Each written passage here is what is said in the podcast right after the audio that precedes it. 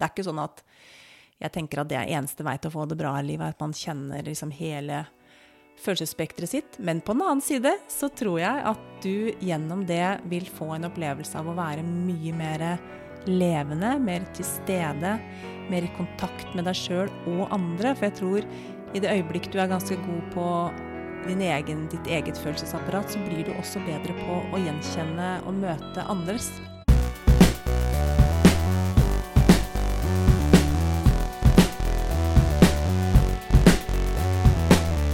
Velkommen til denne episoden av Motiverende intervju. I dag har vi en eh, gjest som ikke skal intervjues for å endre noe, men som, har, eh, som er en ekspert.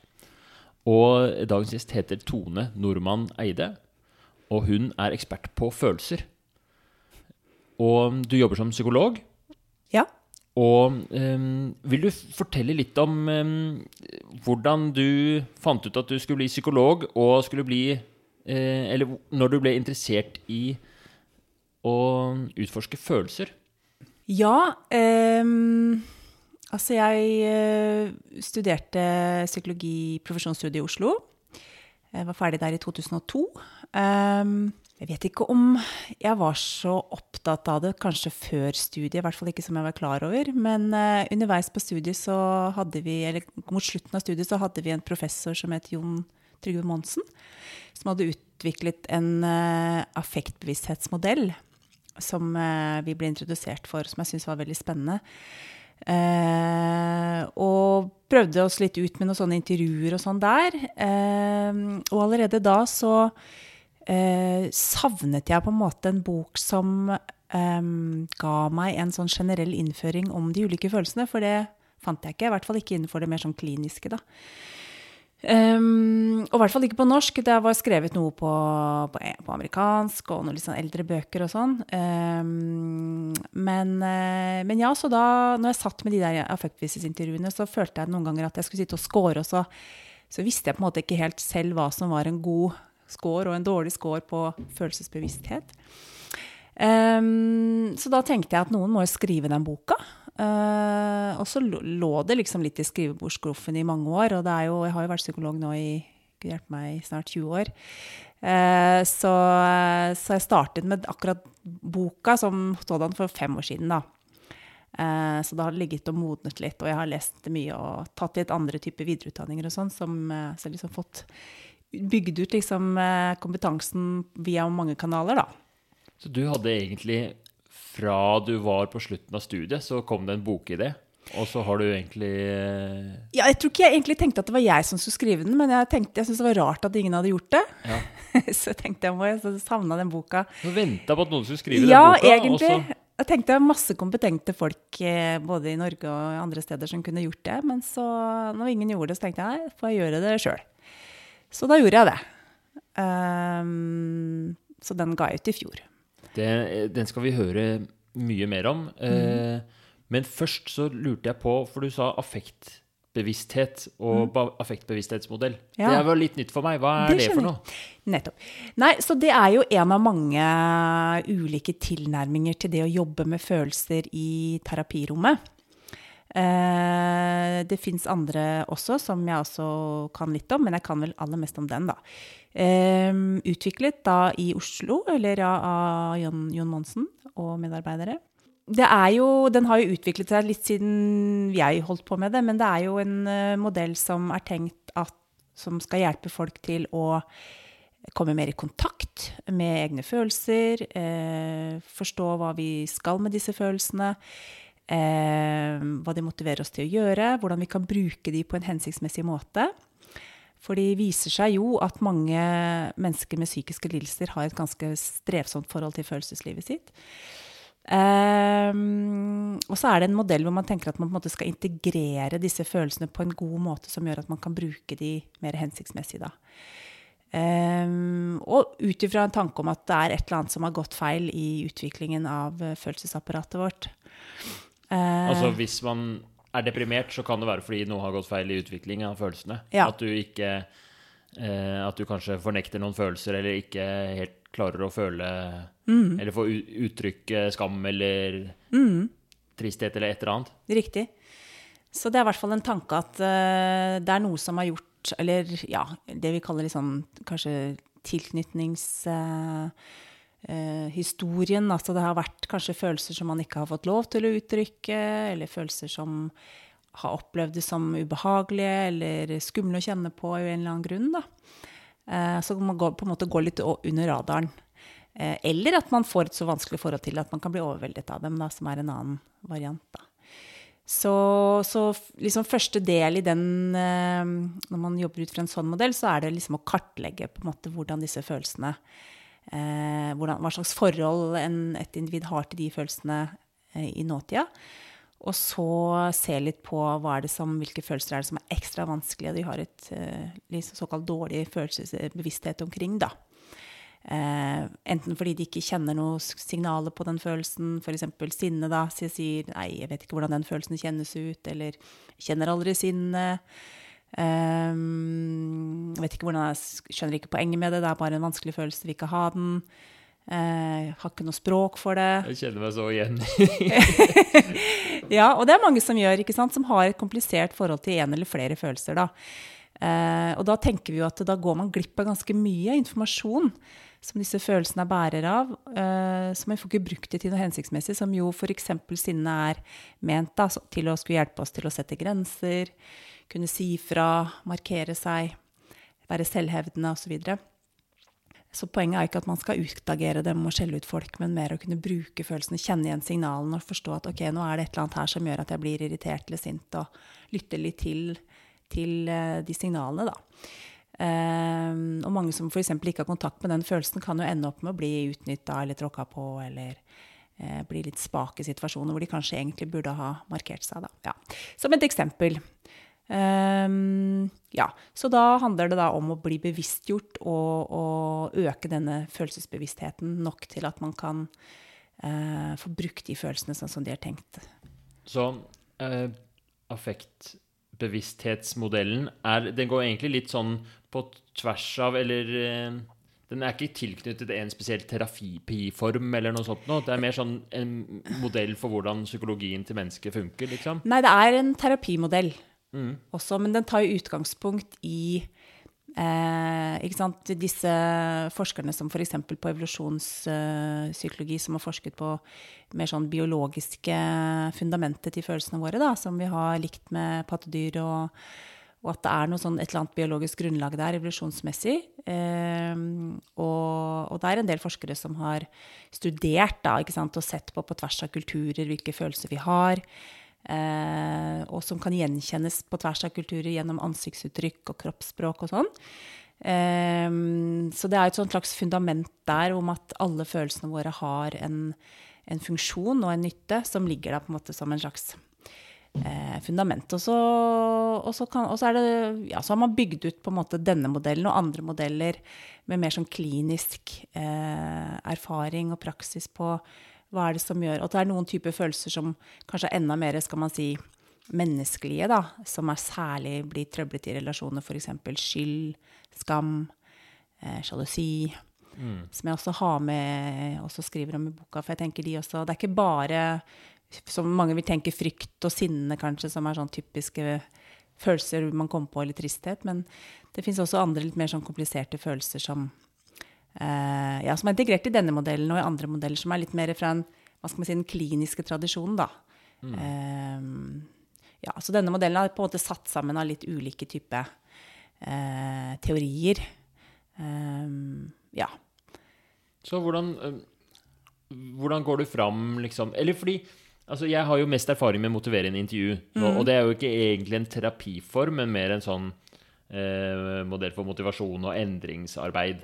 Mm. Og, eh, men der også så er det jo sånn Eller det, mitt forhold til følelser i motiverende eh, eh, intervju, det er jo at jo mer følelser som kommer på banen, jo bedre. Ja. At eh, alle følelser Um, nesten Hvis du innser at du har en eller annen sånn Oi, jeg har jo så stor Jeg hadde en pasient, eller en gjest på podkasten, som ville slutte å røyke. Også i løpet av eh, Vi hadde flere intervjuer, og i løpet av eh, På et tidspunkt så, han, så skulle han tegne eh, en tegning. Så endte han opp med å tegne seg selv med eh, sigaretten i kjeften. Og eh, når vi diskuterte den tegninga, så var det en sånn veldig Det han hadde tegnet, var en veldig sånn stusslig, eh, sykelig person, da. Og det liksom viste seg Fy søren, jeg skammer meg virkelig over den røykinga. Det var sånn kjempe Det kom sånn fram. Og det er et eksempel på at eh, Eller det eh, tenker jeg at da, da kommer man nærmere en eller annen endring, hvis man får det fram. At Ja. man kan liksom uh, utforske det. Em, men em, jeg har ikke egentlig så eh, Altså, jeg har jo ikke lest boka di, ikke sant? Så jeg har jo ikke da den eh, så god bevissthet på å skille hvilke følelser er hvilke, og er det noen som kanskje er mer hensiktsmessige å snakke om når man skal snakke om endring, eller i, i en, en eller annen form for terapi. Det er jo så, Men eh, hvordan gikk du egentlig fram når du skulle skrive den boka? For det er jo et enormt eh, komplisert, eller altså stort felt, som må kokes ned. Ja, det var det. Og det oppdaget jeg eh, også underveis, at det var ikke bare bare. Jeg hadde jo egentlig tenkt å skrive en bok som også skulle være mer sånn terapirettet. Hvor jeg skulle gå gjennom litt ulike typer modeller i forhold til å jobbe med følelser. En annen stor modell som eh, heter emosjonsfokusert terapi, f.eks., som er en litt annen tradisjon. Eh, men så skjønte jeg jo etter hvert, for jeg skulle liksom starte med å beskrive Jeg hadde valgt meg ut da egentlig ganske tidlig alle disse elleve følelsene som, eh, som Jon Monsen og co. hadde i dette affektbevissthetsmodellen og dette intervjuet, da. Um, og så var det jo skrevet noe om noen av disse følelsene. Eh, hvordan de kjennes ut, hvilken funksjon de har, hva som skjer når det går galt. Um, og, eh, og så var det andre følelser som ikke var skrevet så mye om, så jeg måtte på en måte finne Brukte ganske mye tid på å finne gode kilder. Noen følelser var det skrevet såpass lite om at jeg måtte gå litt i litteraturen, sånn som misunnelse, f.eks. Um, så, så ja, det var en eh, ganske sånn nitidig arbeid, og selvfølgelig det å velge ut noen det er ment å være en ganske sånn beskrivende bok hvor jeg ikke tar så mye stilling til eh, eksempel, Jeg argumenterer jo for at disse følelsene fins. men det vil sikkert være noen som er uenig med meg og sier ja, men sjalusi er nå det en egen følelseskategori. Er ikke, den, er ikke den blanding av mange forskjellige følelser? Og det kan jeg godt tenke. Ja, det kan godt være. Men samtidig så argumenterer jeg veldig sterkt for at vi har noen ganske atskilte følelseskategorier da, som kan behandles hver for seg. Og det, så det ble på en måte boka at jeg At det blei en beskrivelse av følelsene når de fungerer som de skal. Hvordan du kan kjenne det igjen, hvordan du kan uttrykke dem, hvordan de eh, virker på deg og andre når du er aktivert, hva som typisk trigger en følelse. Um, men også da ville jeg ha med noe om ok, så det er veldig bra når de fungerer som de skal, men i praksis så har de fleste av oss vanskeligheter med noen av disse følelsene. Jeg måtte ha med noe av det jeg kaller vrangsiden òg, da.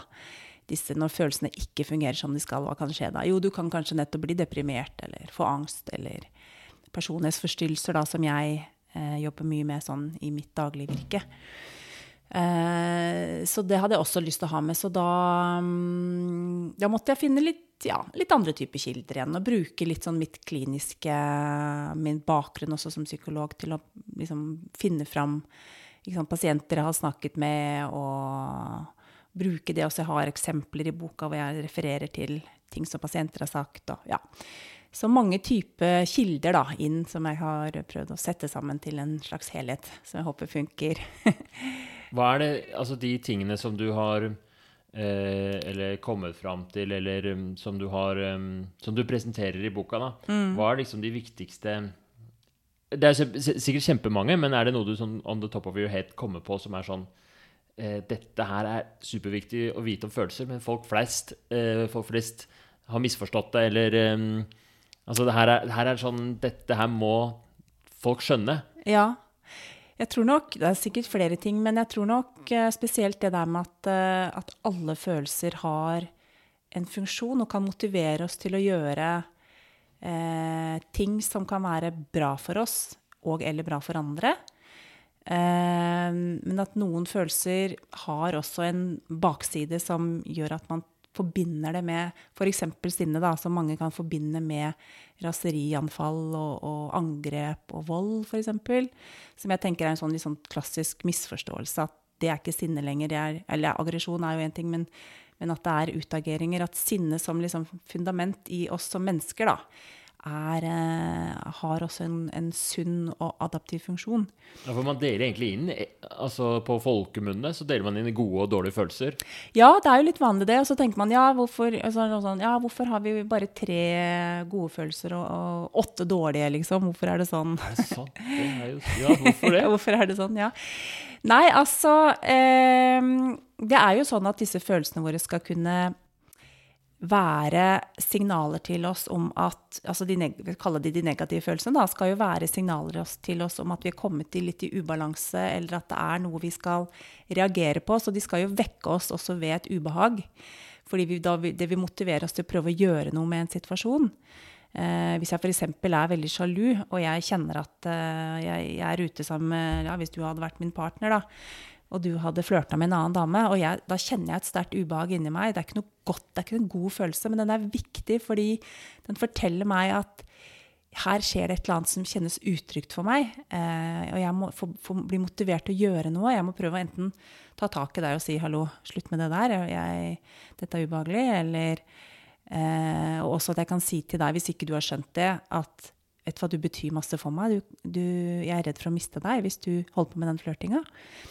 Eh, og i det øyeblikket jeg bruker følelsen min på den måte, måten, og du forstår hva jeg sier, og du skjønner hvorfor, og du vil møte meg på en måte som, som er god for meg, så vil følelsen min da avta, og så vil jeg komme tilbake i en slags balanse igjen da. Det er interessant at du bruker sjalusi som eksempel, for det lærte jeg på eh, et eller annet tidspunkt, husker ikke hvem var eller hvor eller når, at sjalusi det er eh, fryktelig dum følelse å ha. Hvis du er sjalu, så kommer ingen til å ville ha deg. Mm. Og du må eh, aldri bli sjalu, og hvis du blir sjalu, så må du i hvert fall ikke vise det til noen. Mm. Da må du trykke det ned og, ja.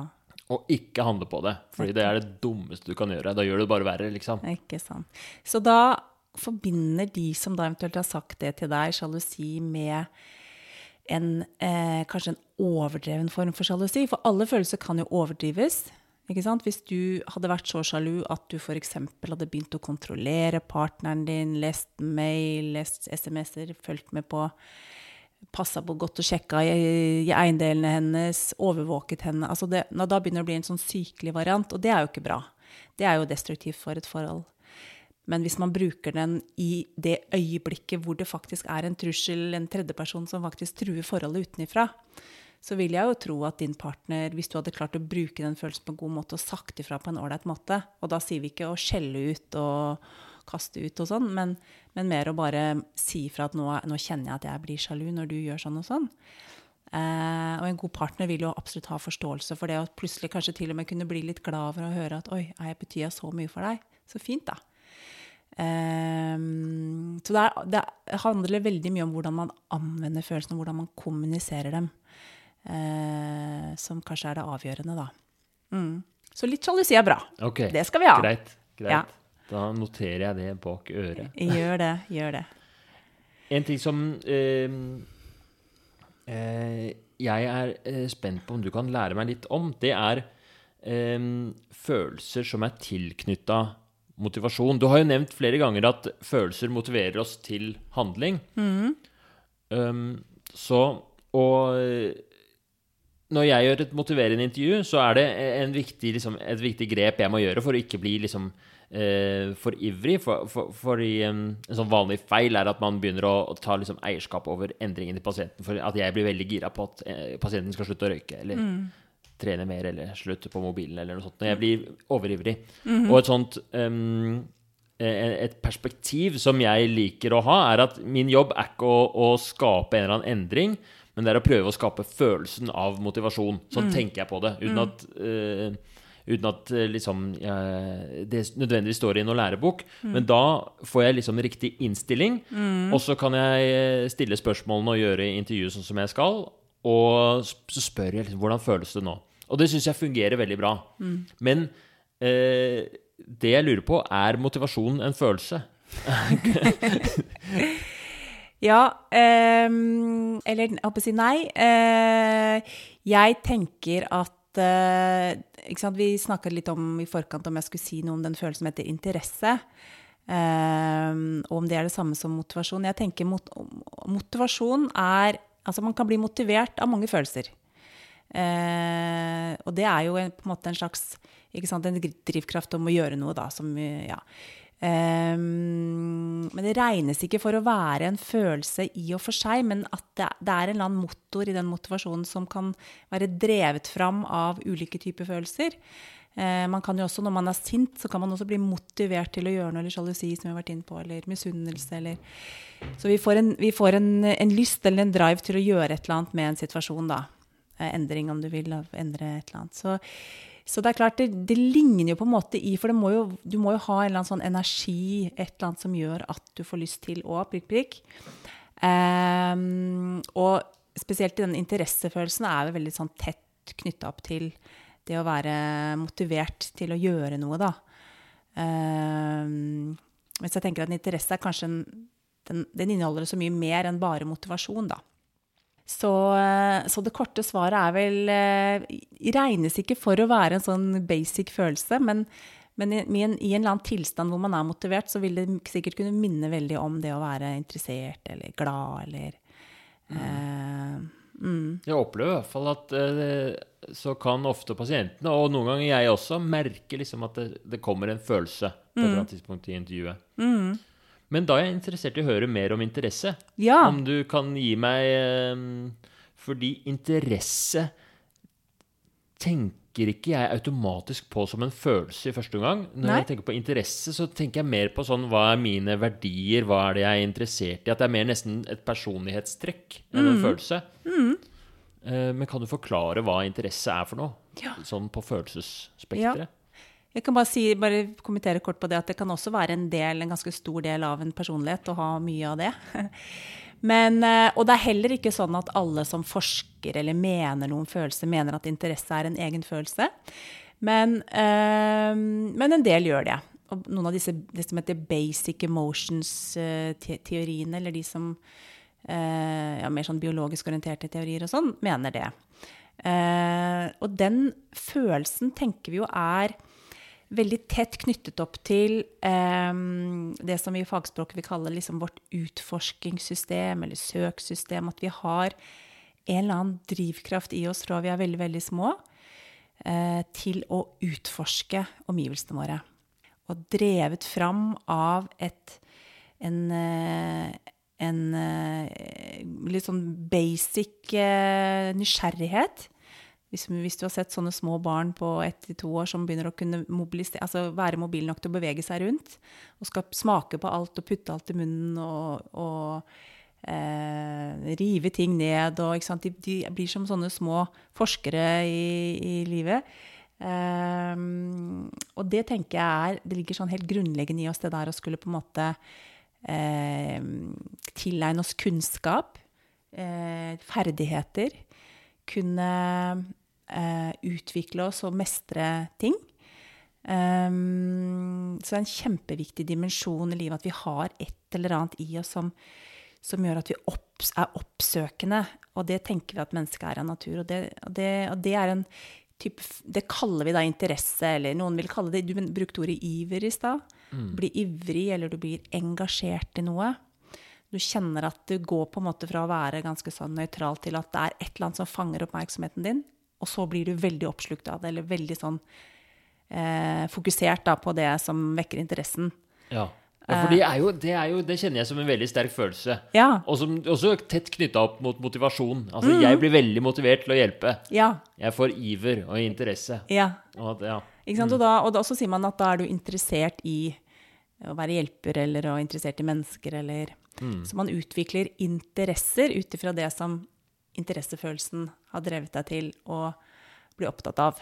Men En ting som er interessant da, er at fordi eh, du kobler interesse veldig sånn tett opp mot nysgjerrighet, mm. og, eh, og, dette kan hende at eh, er på bærtur, men når jeg får den derre iveren til å hjelpe, så blir jeg ofte veldig løsningsorientert og får behov for å komme med råd og alt det der. Mm.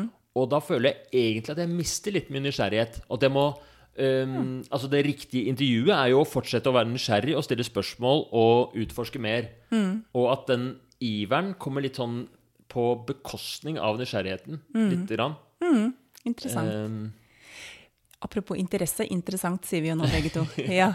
Eh, nei, og det tror jeg sant, det er et viktig poeng, det der med at eh, som, som forsker eller eh, detektiv, da, som jeg liker å også kunne bruke som et eksempel, dette med å være nysgjerrig, være åpen i utgangspunktet, at du har et åpent sinn, og, og har på en måte rom for ulike typer perspektiver.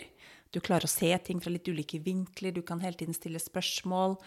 Det er en veldig viktig del av den interessefølelsen. Men, det, men vi drives jo også av eh, ønsket om å finne svar. ikke sant? Vi ønsker å finne noen svar, vi ønsker å finne noen løsninger. Så jeg tror det, også, det er vanskelig for oss å bare være åpen og nysgjerrig og utforskende hele tiden. Vi trenger også å lande litt.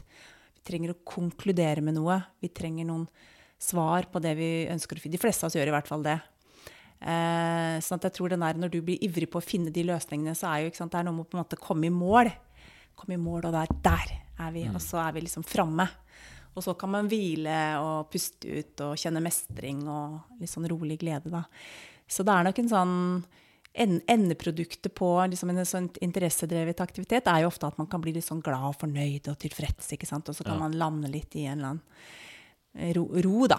Man orker ikke være interessert og ivrig helt. Eller noen gjør kanskje det. Eh, ja, kanskje du gjør det. Men de fleste Nei, trenger ja. også å hvile litt. Ja. Det tenker jeg også er et Fordi du nevnte også mestring som en For det er en kjempeviktig komponent for den motivasjonen, eh, opplever jeg. Og er det en følelse, eller den derre Um, ofte kan det skje altså helt på slutten av en samtale hvor pasienten har snakket veldig mye om endringen, og det har uh, på en måte viktigheten av å gjøre slutte å snuse har, har vokst, men motivasjonen er ikke der fordi det føles helt umulig å gjøre det. Og, men hvis man snakker litt om det, kanskje snakker om tidligere mestringsopplevelser, eller snakker om um, øh, Kanskje eh, endre på målet. Målet nå er ikke slutt å snuse, men til neste gang å øh, snuse et annet merke. For, eksempel. for det er, viser seg å være nyttig. Er du, kunne du tenkt deg å prøve det? Da er det liksom Det kan du selvfølgelig overlate. Da skyter motivasjonen i været, fordi det er et eller annet som er eh, lett å mestre. Er det en Hvilken av følelsene er liksom mestrings... Man sier jo også mestringsfølelse. Ja, man sier det. Man bruker jo følelse. Man snakker om selvfølelse også. Det er jo litt fort gjort å gå seg litt vill Ja. i disse begrepene. Har du god eller dårlig selvfølelse, sier vi jo. Og mestrings, mestringsfølelse er jo gjerne knyttet opp til selvfølelse. At man, sant, god mestring gjør noe med selvfølelsen vår når vi får til ting. Eh, løser ting eller får til noe, så, så kjenner vi mestring. Det er, sånn at det er godt for selvfølelsen vår. Ehm, stolthet ikke sant? er en sånn, også en sånn element av en god selvfølelse. Du kan kjenne stolthet. Um, så, men mestring igjen regnes ikke som en egen følelse, men det er jo en tilstand man kan være i man, som kanskje er knyttet opp til en sånn positiv sånn velværetilstand. Hvor du kan klappe deg sjøl på skuldra og si 'bra jobba' og bli litt sånn tilfreds. Og det å være sånn tilfreds, det regner man for å være litt sånn element av gledesfølelsen. En sånn roligere variant av det å være fornøyd og glad og, og kjenne liksom at uh, livet smiler litt, og, og at, du, uh, ja, at du er en person som kan mestre og få til ting. Um, ja, så kanskje et element av en blanding av noe glede og, og god selvfølelse. yeah, tenker jeg. Ja, ja for jeg, jeg tror du er inne på det der, det der med glede, i hvert fall tilfredshet. Hvis man klarer å um, Iallfall de pasientene som klarer å ha det litt gøy underveis, og som slipper seg litt løs, og som ikke tar um, sitt Altså, noen gjør sin, sitt problem eller sin endring så utrolig stor at det i seg selv blir en utfordring. Jeg hadde en gjest nylig som um, hadde som mål å meditere fem minutter i uka, nei, om dagen. Men han klarte det ikke, øh, og sleit sånn med meditasjonen. Og greia med han var jo at han hadde vært, bodd et år på kloster i Korea og hadde tidligere meditert fire timer om dagen og var psykolog og, øh, og hadde så troa på meditasjon som verktøy for å drive terapi, og var liksom At det ble så viktig for han at det gjorde det vanskeligere å gjøre det, på en måte. Oh, ja. Um, eh, mens hvis han da istedenfor hadde vært litt sånn tilfreds og ja, ja, om jeg mediterer fem minutter eller ikke, det hadde kanskje løst veldig mye for han, da. ja. Ikke gjøre så, gjør så mye ut av det, på en måte. Ja, at det blir en uh, Kanskje ikke skam er riktig følelsen å knytte til det, men at det blir i hvert fall et eller annet veldig vanskelig Ja. med den, og at det var ikke bra nok hvis han mediterte bare fem minutter. Nei, nettopp. At det blir så stor sak. Ja, det blir høye krav, på en måte. Nesten noe sånn prestasjonsgreie. Mm. Mer enn at det er bare noe som er fint og ja, kan gi noe påfyll. Har du noen eksempler på eh, noen pasienter som var veldig sånn Eller kanskje ikke nødvendigvis pasienter, men hva er eh, Hvilken av følelsene er det hvor det plutselig er mest sånn terapeutisk purchase, da? Sånn at du eh, Hvis vi får løsna opp i Er det f.eks. skam, da? Hvis man virkelig får tak i en pasient som har dyp, dyp skam, og klarer å jobbe med det, så blir det mye bedre, liksom? Hvilken er, hvilken er det som er mest sånn potensialet for å jobbe med? For, for å oppnå endring eller noe sånt, tenker du på? Ja, for å oppnå endring, eller altså, i, I boka di så snakker du også om, de, om vrangsidene, da.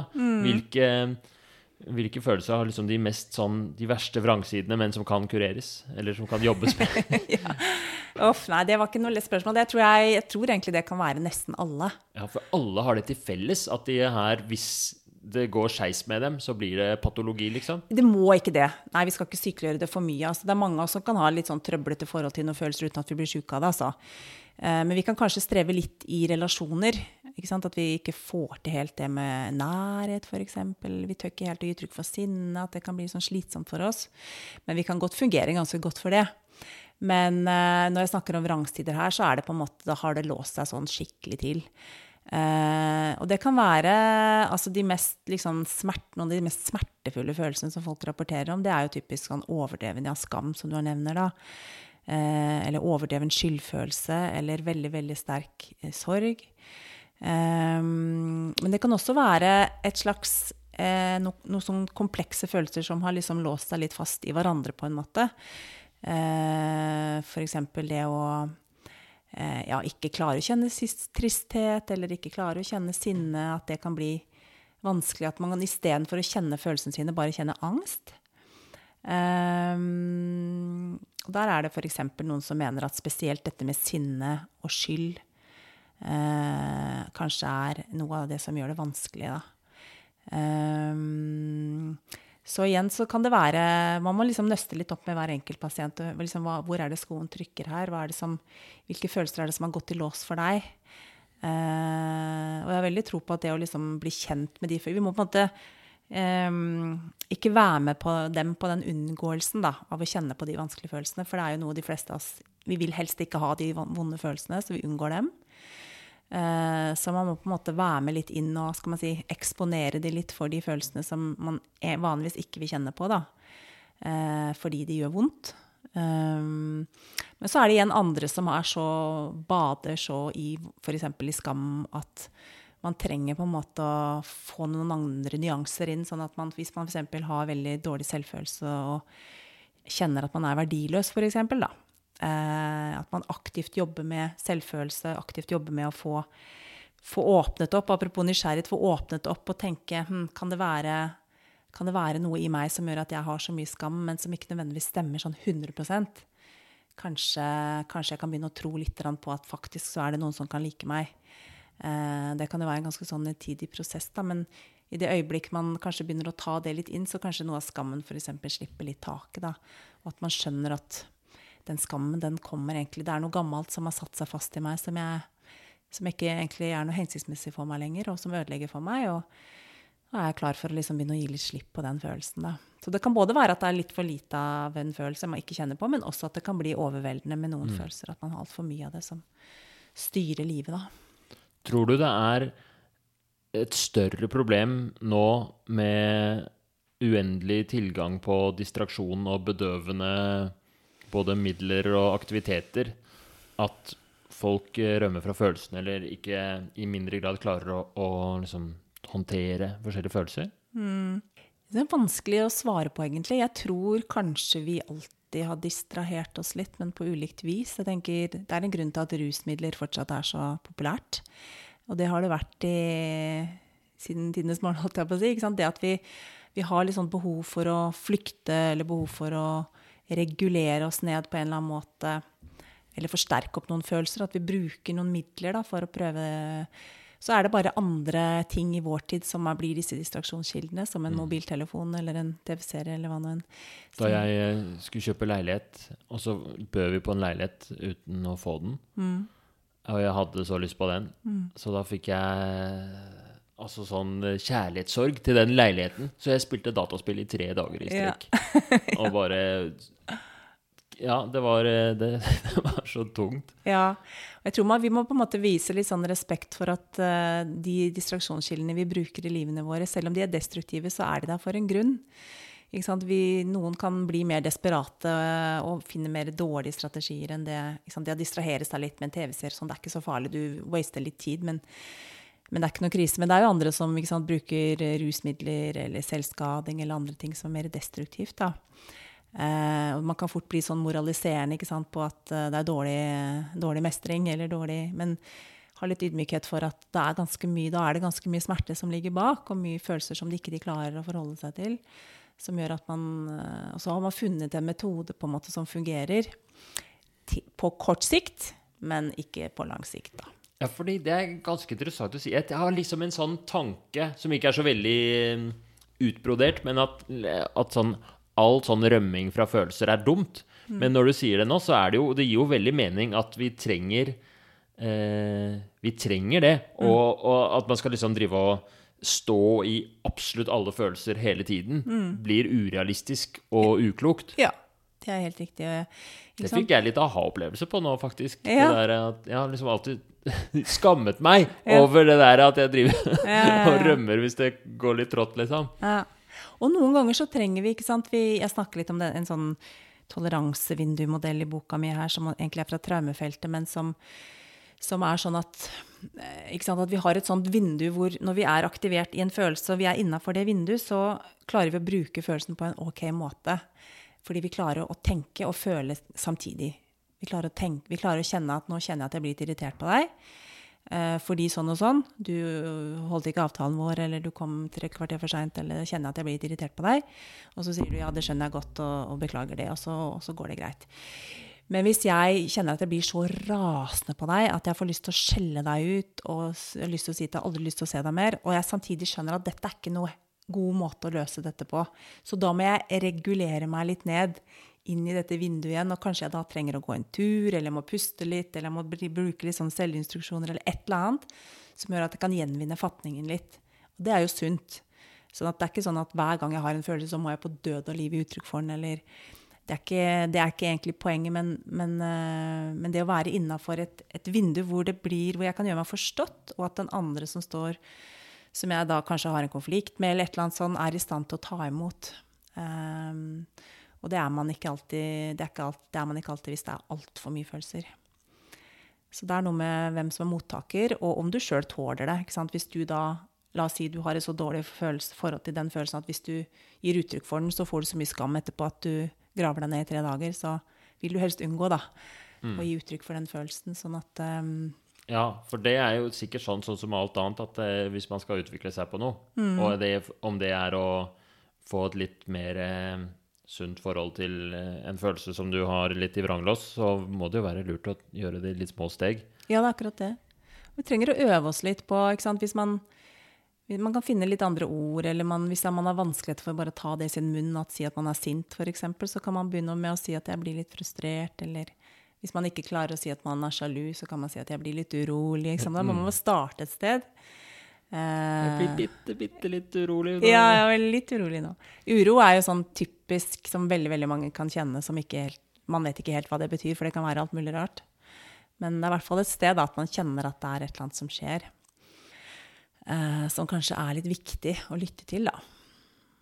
Jeg, helt i starten, da du snakka om at eh, noe som er problematisk for mange, var at de ikke gjenkjenner følelsen, eller ikke merker signalene, det kjenner jeg meg veldig igjen i. Ja. At jeg eh, Om det er konkrete følelser, eller også bare sånn for generelt slitenhet Så jeg merker ikke før jeg liksom har plutselig har uh, kasta bort fire timer på PC-en eller på eh, YouTube eller noe sånt noe, da.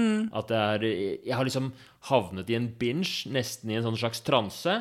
Og så våkner jeg til, og så innser jeg fy søren, det var jo Jeg var jo selvfølgelig Eller det er ikke sikkert jeg skjønner det da heller, men hvis jeg har en god samtalepartner, så kan jeg i hvert fall komme fram til at å ja, det var litt kjipt at pasienten min jeg hadde en pasient som tok selvmord en gang. Ja. Og jeg tenkte ikke over at det rammet meg i det hele tatt, før jeg liksom en uke senere kunne se litt på hvordan jeg hadde oppført meg etterpå. da. Ja, riktig. At det går litt sånn Ja. Du går liksom fra at du, det er en eller annen trigger, til at du bare havner i en unnvikelse eller havner i en distraksjonsmodus. Og så har du egentlig ikke vært i kontakt med det som skjer imellom der. Nei, og det tror jeg er veldig vanlig mange gjør.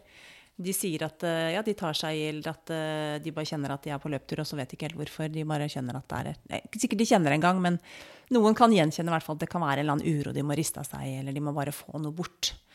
Uh, ja, så de går, glipp av, de går glipp av en del ting. Og kanskje, som du sier, så waster du fire timer som du egentlig kanskje kunne oi, gjennom en samtale fått sortert litt i, og så hadde du kunnet ha en hyggelig prat med noen isteden, eller Ja. Ja, altså, jeg får i hvert fall Det kommer jo en sånn tilleggsfølelse da, av at jeg driver og skammer meg over at jeg kaster bort tiden, eller Riktig. at jeg blir litt lite Hadde jeg skjønt at du er kjempesliten nå, eller du er lei deg, så hadde jeg ikke vært så frustrert over at jeg ikke fortsetter på den sinnssyke to do-lista jeg hadde planlagt, eller mm. Altså Det blir sånn at jeg ved, altså vedlikeholder en sånn, sånne urealistiske krav til meg selv.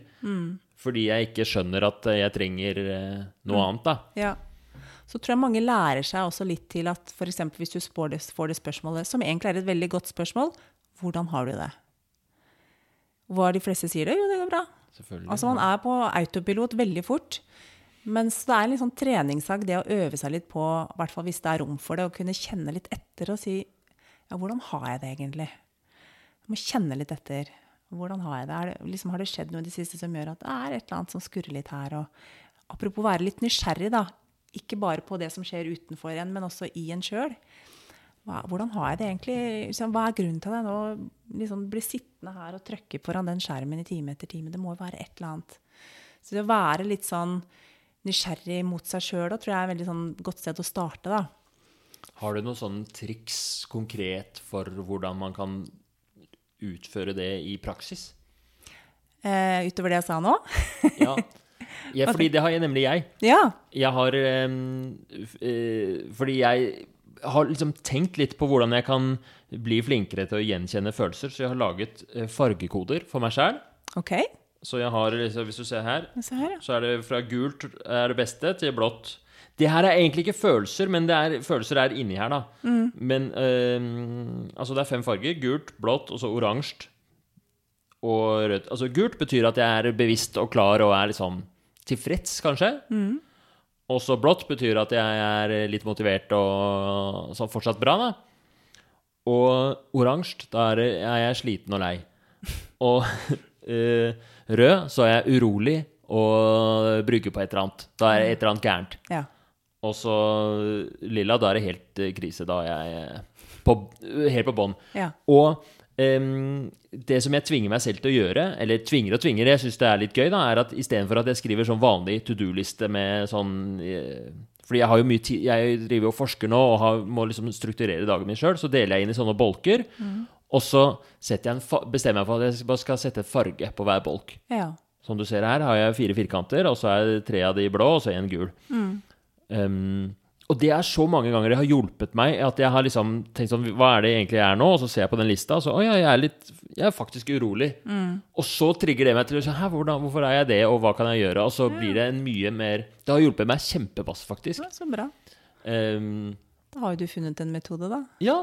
Det er jo bare fantasien som stopper. ikke sant? Ja. Kan, det er sikkert mange måter å, å bli kjent med seg sjøl på. Det passer i hvert fall for meg, men det er jo også Det er jo ikke perfekt, for det er jo mange ganger at jeg eh, glemmer dette her, eller at ehm, Og så kan jeg plutselig få dårlig samvittighet for at ja, jeg har ikke, jeg har ikke tegnet hvilken følelse jeg har i dag. Nei, ja. Pluss at eh, det her er jo ikke følelser, egentlig. Det her er mer en slags sånn, sånn skala av eh, Ja.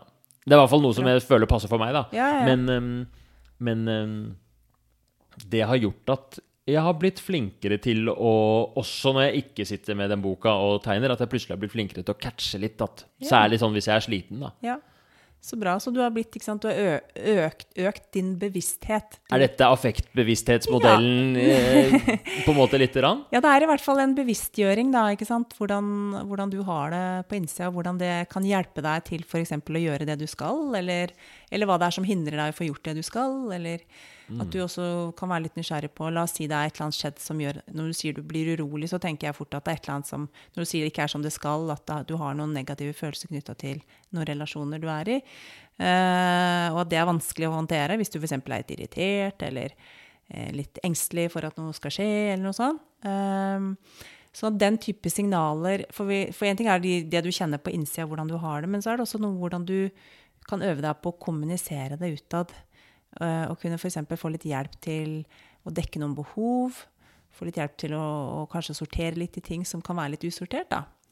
For mange er jo kanskje litt sånn selvtilstrekkelige, de må finne ut av alt sjæl.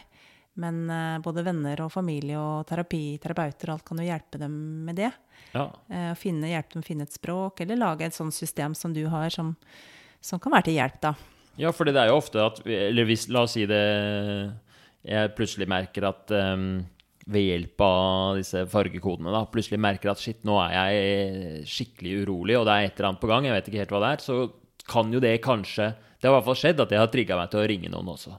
Brainstorme litt, eller Ja, ja, ja, eh, snakke om et eller annet. Ja, så fint. Og en annen fordel med å drive og, og logge litt følelser og sånt nå, eh, som jeg har merket selv, er at eh, det gir jo også bevissthet på at det går over. Og at det ikke nødvendigvis alltid jeg trenger å, å gjøre noe heller.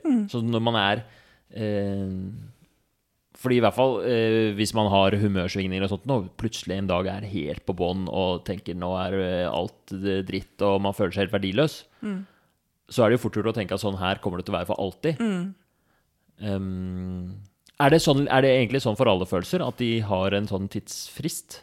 Eller de går over av seg sjøl? Ja, det er et godt spørsmål. Det er um, i utgangspunktet ja.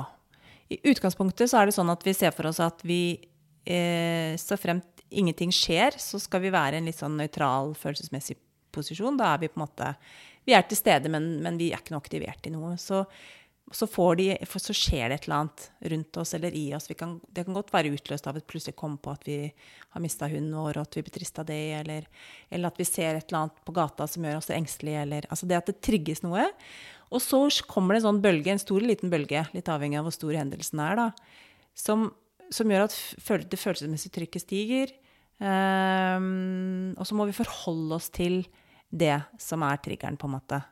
Og, og, og da tenker vi at det er, det er, det er sunt hvis vi klarer, hvis vi ikke blir helt overveldet av det, å forholde oss til at ok, nå, nå kjente jeg at jeg blei satt ut av den der eh, hendelsen på gata der med han fulle mannen som prikk, prikk, prikk. Um, forholde meg til det. Kanskje jeg trenger å snakke litt om det for å liksom sortere litt i det. Og så roer det seg. Det kan godt gjøre at jeg klarer det på egen hånd. Noen ganger trenger jeg litt hjelp til å få roa meg ned, eller komme litt over det. Bare dele det med noen er ofte en kjempegod kur. Ja, hvorfor er det sånn med følelser? At bare hvis man deler de, så I hvert fall negative følelser, da. Ja, Så roer det seg helt. ja. Og positive kan bli enda sterkere når man deler det. ikke sant? Det er ikke for ingenting man har disse flosklene om at eh, delt glede er dobbelt glede, og delt sorg er halv sorg. Ehm, nei, altså det er jo Vi tenker jo at det er jo Vi har en sånn veldig sånn grunnleggende behov for å bli sett. En sånn grunnleggende behov for å bli forstått. Uh, og det, det gjør at vi da dette, dette trangen vi har til å dele, er for vi trenger å på en måte få bekreftet validert de følelsene vi har, uh, hvem vi er, uh, om vi har grunn til å reagere som vi gjør. Og i det øyeblikk noen andre kan speile oss og si 'jeg skjønner godt at, at du ble redd', eller 'jeg skjønner godt at det med hund Altså et eller annet. Da kjenner vi at 'åh, ja, ikke sant'. Det er, eh, jeg har grunn til å ha de reaksjonene jeg har, og det kjennes godt da. Så den speilingen vi får utenfra, det er helt sånn eh, Det er en menneskelig si, ferdighet eh, vi har, som vi kan bruke på hverandre, som gjør at vi er medmennesker og, og kan hjelpe hverandre til å ja, regulere de følelsene helt fra vi er små, små barn. Jeg pleier ofte å bruke det eksempelet med, det der med, som er litt sånn magisk med små barn, at de har slått seg, kommer hjem og skal ha trøst.